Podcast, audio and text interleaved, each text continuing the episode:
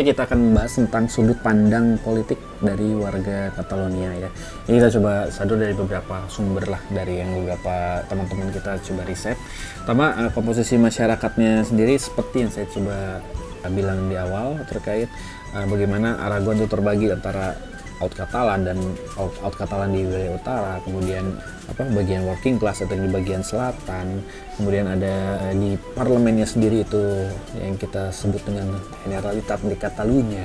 Nah itu di dalam sendiri terbagi oleh beberapa faksi-faksi politik ya. Di situ ada sosialisnya, kemudian mungkin ada sedikit komunisnya dan pro independence juga ada, kemudian pro republik zaman dulu juga ada juga di wilayah parlemennya dan juga ada lawannya itu ya orang-orang Fox yang tadi yang memang uh, beraliran kanan yang pro terhadap persatuan anti separatis ya wajar lah kalau misalnya itu namanya check and balance ya antara mana yang pro dan mana yang kontra di dalam satu parlemen itu kayaknya wajar lah untuk terkait itu kemudian untuk yang si pro independen sendiri pertama uh, berasalnya dari suara-suara rakyat menengah rakyat menengah atau orang-orang para pekerja, kemudian ya migran juga banyak ya migran yang hadir ke wilayah Catalonia.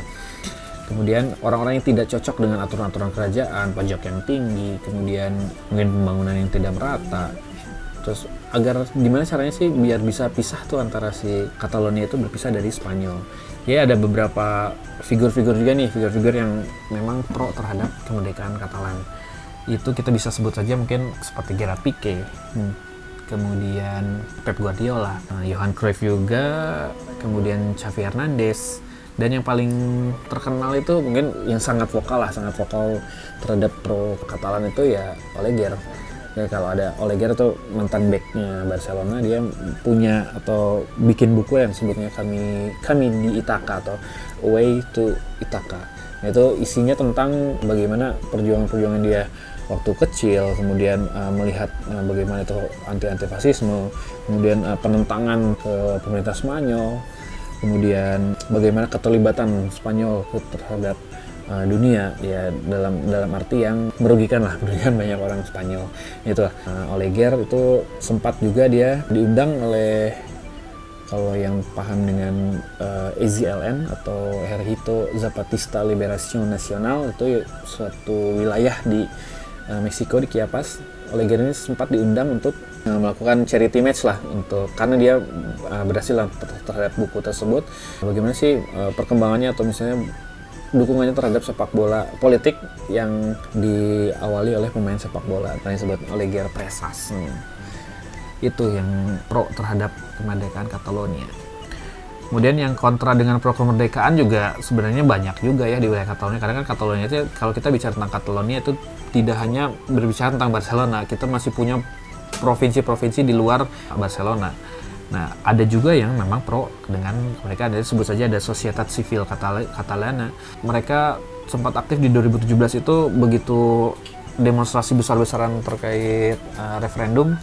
Mereka melakukan marching juga untuk menolak kemerdekaan malah dia lebih pro ke Spanyol bahwa ngapain sih kita harus pisah gitu. Coba pakai logika dasar lah ngapain kita harus pisah? Kalau kita pisah kan merugikan uh, rakyat banyak udah enak kita bersatu yang itu akan selalu ada lah terkait uh, pro kontra ter untuk separatis atau non separatis gitu.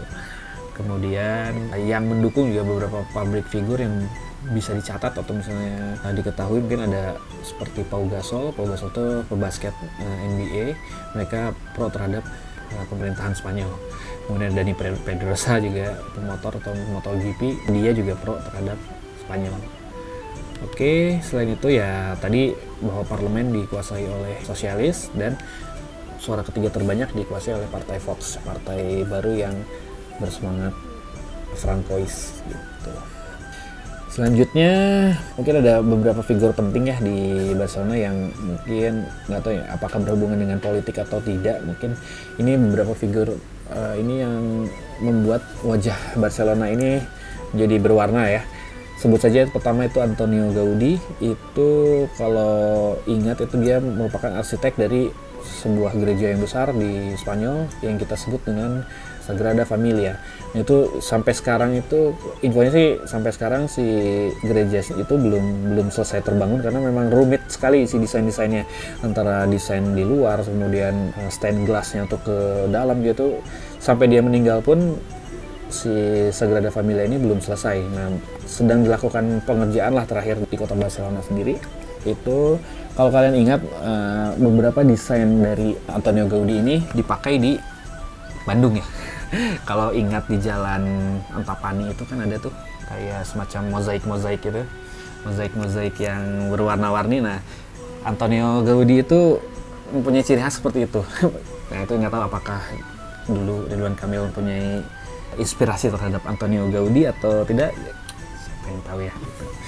Kemudian ada Salvador Dali. Kalau tahu Salvador Dali uh, seorang pelukis uh, terkenal juga yang khas dengan kumisnya. Itu orang Katalan juga. Yang sampai sekarang juga mungkin dibuat uh, topengnya untuk salah satu series Netflix uh, Money Heist. Yang disebut wajah dari Salvador Dali itu untuk sisi perjuangannya saya belum belum belum bisa nemuin ya untuk kenapa bisa.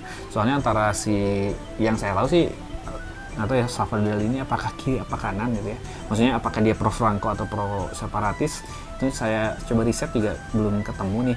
Beda dengan satu lagi pelukis Pablo Picasso ya. Pablo Picasso itu dia lahir di daerah Sevilla. Tapi dia membuat uh, lukisan lukisan yang sangat sangat terkenal itu sebutnya Guernica kalau ini. Nah, Guernica itu melambangkan korban-korban bom akibat perang sipil Spanyol. Itu uh, tentara Spanyol itu mengebom kota Guernica di mana situ ya ada anak kecil, ada ibu, ya ada keluarga yang wah udah potong semua ya tangan mana itu ke mana nah sama dia coba divisualisasikan jadi sebuah lukisan disebut Guernica dan itu sekarang dipajang di uh, Guggenheim Guggenheim di Bilbao Nah mungkin itu. Apakah tanya saya juga tahu nih Pablo Picasso ini apakah pro kemerdekaan atau pro terhadap Spanyol? Itu nah, kita coba itu lagi lah gitu ya. Itu yang dari uh, orang berkesenian.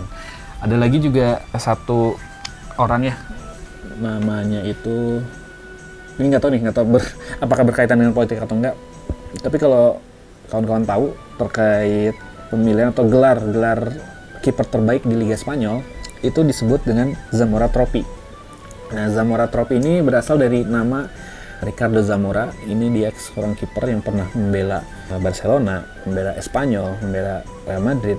Karena jagonya itu ya mungkin jadi disebut Piala Zamora itu ya untuk kiper terbaik di Liga Spanyol. Nah, itu Ricardo Zamora. Ada lagi satu nih terkait penghargaan penghargaan pencetak gol terbanyak aja di La Liga. Itu disebutnya apa? Itu namanya Pichichi. Pichichi itu dari nama orang uh, nama striker Athletic Bilbao. Nah, jadi kalau tarik kesimpulan dari dua orang ini, ternyata Liga Spanyol ini membutuhkan sosok sosok yang jago itu ternyata dari dua wilayah yang sering bertikai dengan uh, pemerintahan pusat ya. Kayak seperti tadi Ricardo Zamora itu dari asal dari Katalan dijadikan titel uh, kiper terbaik. Kemudian Pichichi juga jadiin titel pencetak gol terbanyak di Liga Spanyol. Nah jadi kan mungkin ada apa ya sesuatu yang bagus lah berarti di antara uh, wilayah-wilayah yang sering berkonflik dengan pemerintahan pusat gitu. Itu. Nah terakhir saya coba naikin terkait wilayah example itu satu wilayah atau distrik yang penataan kotanya tuh wah sangat rapi banget sangat rapi. Di situ juga memang Sagrada Familia juga ada di situ. Nah yang saya ingat kemarin baru jersey Barcelona itu launching itu kalau nggak salah dia memuat pattern. Patternnya itu terbuat dari peta-peta yang ada di Le Example. Sangat terinspirasi dari nah, distrik Example itu. Oke selanjutnya kita membahas terkait warna bendera yang sering ada di logo logo pertama logo Catalonia kemudian logo Barcelona sendiri ya. Kenapa? Benderanya harus merah kuning. Nah ini. Pertama yang saya dapatkan terkait uh, literaturnya pertama yang disebut hanya merah kuning aja merah kuning merah kuning itu ada sembilan kalau salah itu disebut senyera senyera itu bendera historikalnya kerajaan Aragon Aragon di zaman dulu di mana mereka itu satu kerajaan yang ya yang tadi saya bilang itu menguasai wilayah timur Spanyol sebelum bersatu dengan wilayah kerajaan dari Kastil Castile and Leon. Ya, jadi Castile and Aragon. Diambil warna merah kuning itu ya itulah merupakan panji-panji yang mungkin sangat suci gitu ya di kerajaan Aragon sehingga bendera itu dianggap sebagai simbol dari wilayah-wilayah yang dulunya merupakan historical dari kerajaan Aragon. Nah, itu sebut Senyera. Senyera itu diadopsi oleh beberapa kota atau wilayah ya taruh tadi di wilayah Catalonia, kemudian di wilayah uh, Aragonnya sendiri yang sekarang beribu kota di Zaragoza, kemudian uh, wilayah Sisilia. Kalau sekarang lihat bendera Sisilia yang sekarang hampir kayak apa man, man of arm atau yang tangan tiga dengan uh, manusia well, kepala manusia di tengah itu ada merah merah kuning juga. Kemudian kerajaan Nap Napoli juga ada merah kuningnya juga kemudian Bele Balearic daerah-daerah Mallorca itu merah kuning juga nah, mungkin dari situ asal mula dari mengapa oh, banyak merah kuning di wilayah Catalonia kemudian kalau bendera Senyera ditambah warna biru dan ada bintang putih itu disebut Estelada. Kalau Estelada sendiri kan Estelada sendiri kan artinya bintang berarti Senyera yang berbintang berbintang biru. Nah itu digunakan sebagai representasi dari Republik Katalan makanya kenapa mereka banyak berkibar di taruh di stadion atau mungkin pas uh, demo demonstrasi itu banyak berikut ya karena mereka menginginkan satu hasil ya teman satu satu agenda bersama yang merupakan freedom for Catalonia atau free for free for Catalonia atau free for Spain atau Catalonia is not Spain pokoknya yang berwarna biru itu ya berarti melambangkan Republik Katalan kalau saya baca terkait uh, kenapa berbentuk biru itu mereka dia mengadopsi dari perang Kuba ya perang Kuba perang pembebasan Kuba di zaman-zaman waktu Kuba ingin melepaskan diri dari kerajaan Spanyol. Nah, kalau makanya kalau misalnya ada kesamaan antara bendera Kuba dengan bendera Estelada, ya memang mereka saling mengadopsi. Ya selain mengadopsi modelnya, ya mungkin juga mengadopsi terkait semangat perlawanannya terhadap Spanyol. Nah, Kemudian ada lagi nih satu lagi estelada yang berbentuk uh, yang berbintang atau merah. Kan kalau tadi berlatar biru, sekarang berlatar merah. Nah, ternyata itu merupakan sama halnya seperti estelada yang biru, hanya saja yang merah itu lebih terafiliasi dengan sosialisnya di wilayah Catalonia.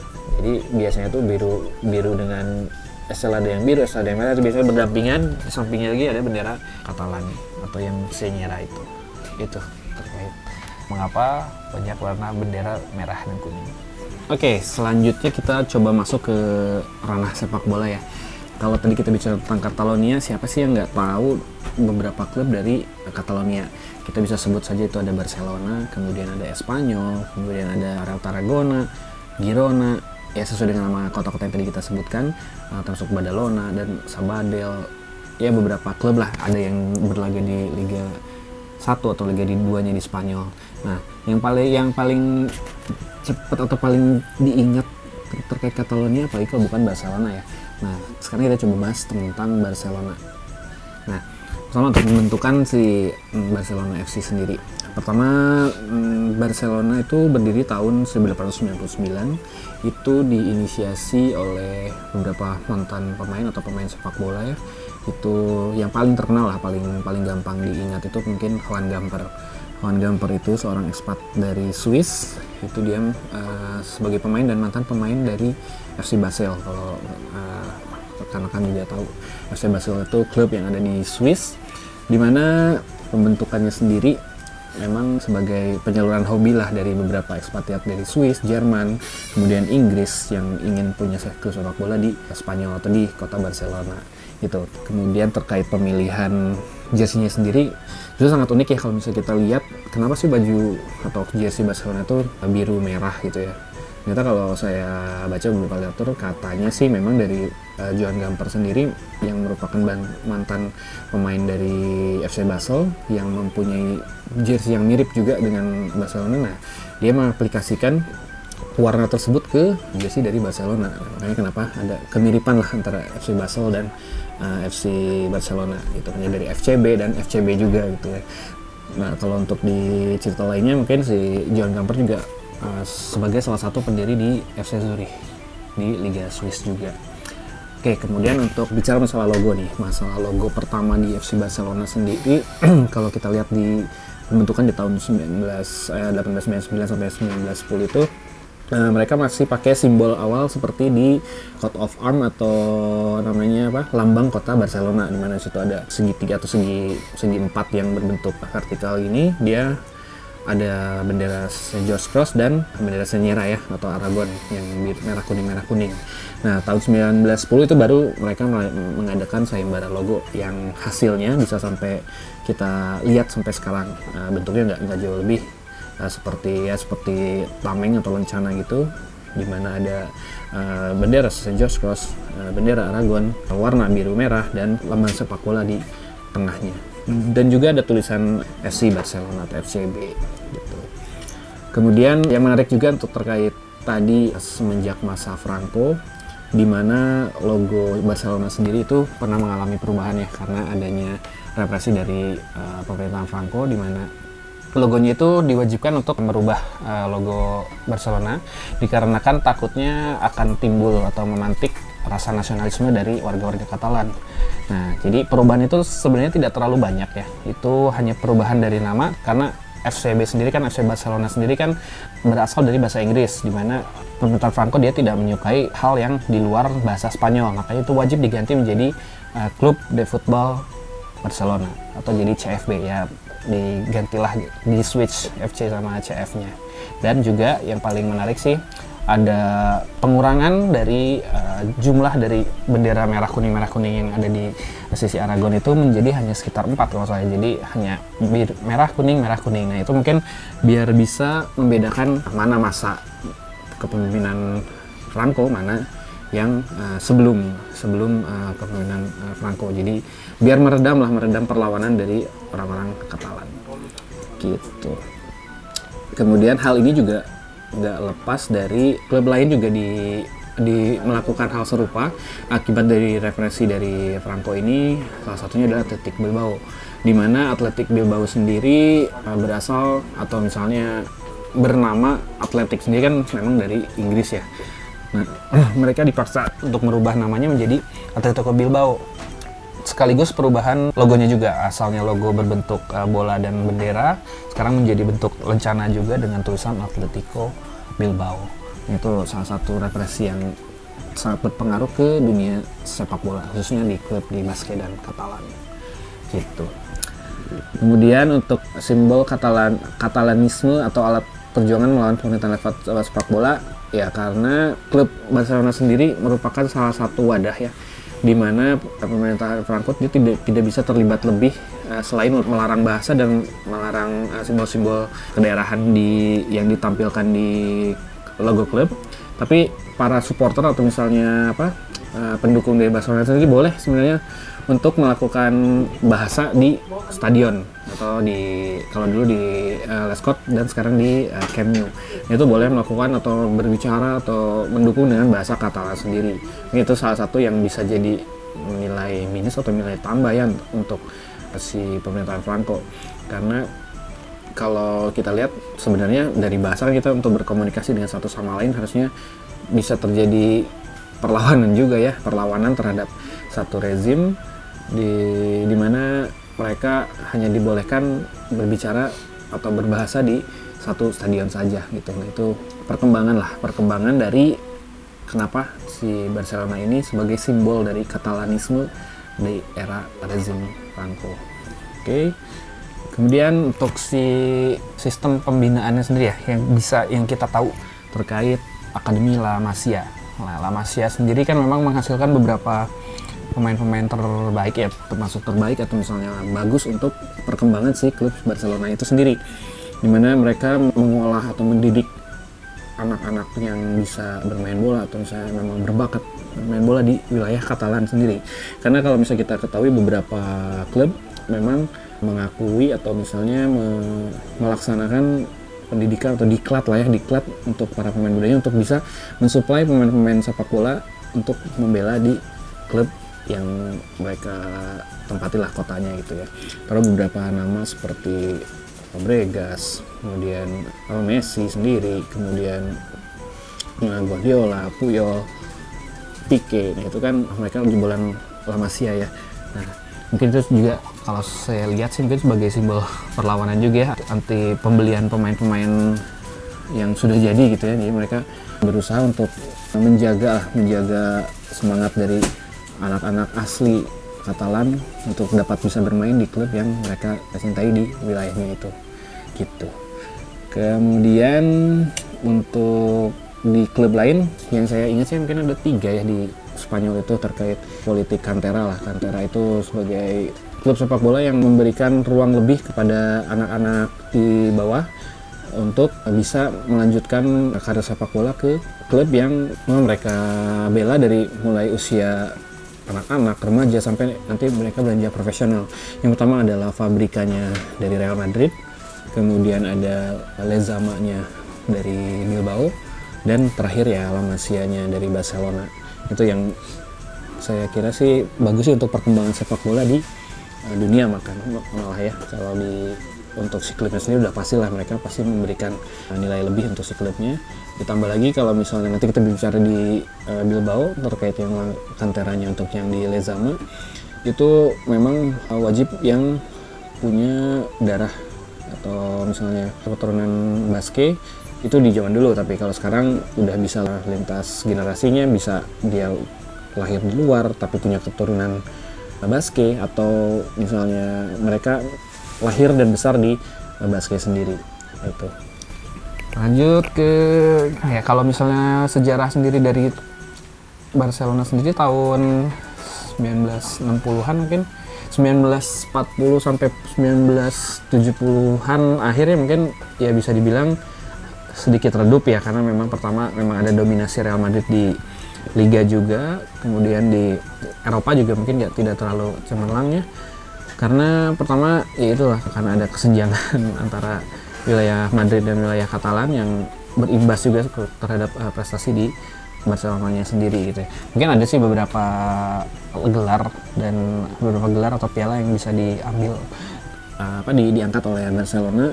Tapi yang paling ini mungkin setelah era pasca kejatuhan Franco ya sekitar 74 75 itu di mana bergabungnya superstar atau mega bintangnya dari Belanda itu Johan Cruyff. Uh, saya dijual oleh Ajax. Dan sebelumnya memang gosipnya sih katanya memang akan bergabung dengan uh, Real Madrid. Tapi di salah satu interview si Johan Cruyff ini bicara kalau misalnya kenapa tidak bergabung dengan Real Madrid dan malah memilih Barcelona dia bilang kalau saya tidak akan pernah bergabung dengan klub yang didukung oleh diktator. Makanya dia masuk ke Barcelona. Nah itu diikuti lagi beberapa pemain seperti ya Johannes Kens. Terus ke sini sininya juga bisa menjuarai Liga Champions tahun 92 nah itu lumayan nih era eranya pemain-pemain muda dari Katalan kemudian dicampur sama pemain-pemain senior pemain yang uh, akan jadi pemain terbaik di dunia ya. Uh, kita sebut saja bisa uh, pertama dari pelatihnya sendiri kan. 92 itu menang Piala Champions tahun 92 itu melawan Sampdoria. Itu dengan hasil 1-0 golnya itu oleh Ronald Koeman lewat tendangan bebas yang keras masuk ke gawangnya Pagliuca gitu ya. Ya mungkin anak-anak zaman dulu mungkin pada tahu lah ya tentang gol itu ya. Karena kalau kita sebut nama-namanya di Barcelona 92 itu pelatihnya sendiri sudah ada Johan Cruyff yang memang mantan pemain. Kemudian dia sekarang melatih jadi menerapkan sistem total footballnya juga. Kemudian di kiper ada Andoni Zubizarreta itu kiper timnas Spanyol juga. Kemudian ada Albert Ferrer di kanan setelah itu berjaya juga di Chelsea. Terus ada Jose Maria Barquero di DM defensive midfielder. Ada Hristo Stoichkov siapa yang tahu? Nah, Hristo Stoichkov kan memang terkenal dia di tahun 94 di Piala Dunia 94 nah itu memang sebagai Messi-nya Bulgaria lah. Itu sebagai duet maut lah di depan bareng sama dengan Laudrup. Nah di tengah juga kita punya Pep Guardiola. Nah inilah si anak mas penerus penerus total footballnya Johan Cruyff yang sampai sekarang dia mengadopsi sampai ke gaya dia melatih ke Manchester City. Oke, okay, untuk di Sampdoria sendiri ya kita sedikit flashback waktu itu juga memang Sampdoria bukan tim yang abal-abal ya tim yang emang bagus di Liga Italinya. Siapa yang tidak tahu sebenarnya Gianluca Pagliuca di kiper. Kemudian ada Attilio Lombardo di sayap kanan. Ada juga Roberto Mancini terus Gianluca Vialli di depan. Kemudian ada Sasko Katanek yang tahun 2000 sedih jadi pelatih tuh pelatih Slovenia kalau salah. Karena dia pemain Serbia salah satu generasi emas dari Barcelona 92 selain Spanyol ditunjuk menjadi oleh rumah Olimpiade di Barcelona 92 ya ya siapa yang bulu tangkis. Alan Budi Kusuma dan Susi Susanti. Nah akhirnya menang Barcelona 92 ya. generasi emasnya di situ. Oke, selanjutnya nanti ke tahun era-era 2000-an ya era-era Messi, Neymar, eh, Ronaldinho, Luis Suarez. Terus ada yang unik juga nih terkait Piala Dunia 2010 ya, di mana Spanyol bisa juara di uh, gelaran Piala Dunia di Afrika Selatan di mana dari 5 dari 11 squad uh, final sendiri yang waktu itu ngalahin Belanda ya itu merupakan pemain-pemain dari Katalan. Nah, itu siapa aja nama-namanya? Pas, pasti kalian udah tahu ya. Uh, pertama kalau misalnya di back ada Pique sama Puyol, kemudian di tengah ada Fabregas, ada Xavi, kemudian ada Victor Valdes juga di cadangan. Terus di sebelah kiri emang bukan pemain Barcelona, cuman eh, dia keturunan uh, Katalan, juga ada Johan Capdevia, dia waktu main main di Villarreal. Kemudian di malah justru pencetak gol kemenangan dari Spanyol sendiri itu dicetak oleh Andres Iniesta. Di mana Andres Iniesta memang identik dengan Barcelona, tapi sebenarnya dia bukan orang Katalan karena dia orang daerah mana ya kalau saya pokoknya dia bukan bukan keturunan dari Katalan tapi identik sangat identik dengan Barcelona. Nah kemudian uh, ada Pedro juga. Nah selain itu juga tim nasional Spanyol juga diperkuat oleh orang-orang Basque juga yang jadi salah satu kunci juga lah untuk kemenangan Spanyol di Piala Dunia 2010 sebut saja ada Javi Martinez kemudian uh, Xabi Alonso ya Xabi Alonso kemudian ada Fernando Llorente. Nah, jadi kan dari dua dua wilayah itu aja sudah sudah menyumbang sumbangan terbesar mereka untuk menjuarai Piala Dunia itu dari dua wilayah yang justru saat, selama ini melakukan perlawanan ke pemerintah Spanyol. Gitu. Oke, uh, ini ada lagi pertanyaan bukan pertanyaan ya. Kita masuk ke sesi kenapa ada bendera Saint George Cross di lambang FC Barcelona. Sebenarnya saya pernah coba sampaikan di sebelumnya itu di episode semiotika dan logo-logo sepak bola. Pertama itu kita coba jelaskan lagi ya. Untuk si Saint George Saint George sendiri kan sebagai patronnya orang-orang Katalan ya atau enggak orang-orang Aragon. Ya kalau di sini kalau yang belum tahu patron itu mungkin sebagai hormat tertinggi lah untuk di salah satu ritus di Katolik di mana uh, mereka memandang atau menghormati orang-orang suci yang bisa jadi gugur atau misalnya uh, menyebarkan agama-agama Katolik di uh, beberapa belahan dunia. Nah, taruh di sini untuk si Saint George sendiri memang diakui atau enggak di dipilih lah oleh kerajaan Aragon itu sebagai patronnya dari kerajaan mereka. Makanya beberapa simbol atau misalnya logo itu mereka pakai Saint George uh, Saint George di mana ada merah, merah salib merah dan latar belakang putih. Nah, untuk si Saint Joshua sendiri ini memang tidak dipakai, tidak hanya dipakai di Aragon saja. Kita sebut ada beberapa negara atau misalnya kota ya. Itu ada di Georgia. Georgia itu salah satu negara di daerah Eropa Timur.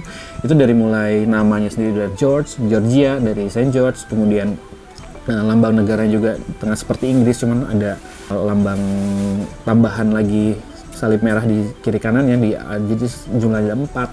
Kemudian ada di Genoa Genoa itu uh, dulu sebagai republik atau negara besar lah ya di wilayah Italia. Jadi sejarahnya lagi nih kenapa England atau Inggris sangat-sangat identik sekali dengan Saint George Cross karena ya dulu memang si Republik Genoa ini sebagai uh, negara maritim paling ditakuti lah di Laut Mediterania. Pokoknya di daerah perairan di wilayah Eropa itu negara Genoa ini sangat di apa dihormati lah.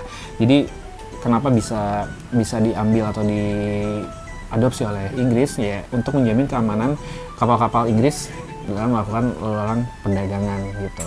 Tapi ada juga yang menyebutkan bahwa Saint George itu pada waktu perang salib itu mereka marching dari Inggris dari Prancis menuju ke Yerusalem itu di tengah perjalanan Saint George hadir di di dalam marching itu dia hadir dan menyemangati lah katanya menyemangati perjalanan suci perang suci mereka ke uh, Yerusalem dulu gitu itu masuknya antara mitos atau misalnya legenda ya yang mempercayai silakan tapi ya saya saya ambil berarti kalau misalnya sudah diakui oleh itu berarti sebagai penghormatan terhadap Saint George yang diambil dan diadopsi ke dalam bentuk uh, logo atau bendera-bendera yang dipakai oleh satu negara atau satu kerajaan atau satu wilayah yang mengakui Saint George gitu. Kemudian kalau Saint George sendiri ya lebih dikenal di wilayah Katalan itu sebagai Jordi. Ya sama lah Jordi itu bahasa Katalanya untuk George. Sama kayak penyebutan seperti di wilayah timur itu kita kenal dengan Georgievich. George itu kan George juga gitu. Kemudian kalau di uh, dunia muslim itu yang saya baca sih Jirjis gitu ya. Jirjis kemudian di wilayah Belanda itu disebut dengan Yoris. Terus kalau misalnya ada yang di wilayah Armenia nih justru kalau tahu Gevorg nah Gevorg itu asal katanya dari George gitu. Pemain Persib kan ada namanya Arthur Gevorkian nah itu kurang lebih ya George son of George itu kan Gevorkian nah, gitu dari Armenia. Biasanya itu kemudian kalau Jordi sendiri ada yang menarik kalau misalnya Jordi. Kalau tadi kita bicara tentang uh, Johan Cruyff dia yang terkenal anaknya siapa sih namanya? Ya Jordi Cruyff. Nah Jordi itu memang lahir di Barcelona dan terinspirasi namanya dari patron Saint George. Nah disebut Saint Jordi nah itu jadi Jordi Cruyff gitu terus ada juga ini yang lagi rame Jordi Amat. Nah, Jordi Amat yang pemain Indonesia, nah memang dia memang punya keturunan Katalan. Dia sempat membela timnas Katalan, nah, dua caps kalau tidak salah. Ya memang keturunan Katalan, berarti keturunan Katalan, keturunan Indonesia. Itu unik ya, Jordi Amat. Jadi itu bisa saya sampaikan terkait mengapa ada bendera Saint George di logo Barca. Oke, nah teman-teman, kita kan selama beberapa menit ke belakang kita sudah membahas mulai dari awal sejarah Catalonia sampai sedikit nih membahas tentang Barcelona. Mungkin untuk di episode kali ini ya kita cukupkan dulu nih karena takutnya nanti apakah kawan-kawan juga bosan atau apa. Nanti kita coba lanjut ke episode selanjutnya ya di episode lanjutan lah terkait pembahasan tentang uh, Barcelona dan beberapa sisi politik dan uh, supporternya. Kalau untuk sekarang saya mau coba ngada ini, ngadain quiz untuk teman-teman yang nah, menyimak Prumpedia di episode kali ini. Saya mau coba memberikan quiz lah untuk kawan-kawan di sana. Uh, simpel aja sih pertanyaannya. Pertama, pertanyaan ini pertama siapa yang bisa jawab nanti ada hadiah yang akan dipersembahkan oleh sponsor kita dari Prung. Nanti silakan jawab di kolom komentar pertanyaannya apa ya yang gampang yang sulit? Ini aja deh untuk di samping klub Barcelona yang wajib mengganti nama menjadi sangat-sangat Spanyol klub apa lagi sih yang wajib ganti? Dan sebutkan nama klubnya yang harus wajib mengganti namanya menjadi Spanyol seperti arahan dari rezim Franco. Nah, silakan jawab pertanyaan tadi di kolom komen. Nanti pemenangnya akan kita coba pilih dan kita coba hubungi via DM. Silakan, selamat mencoba.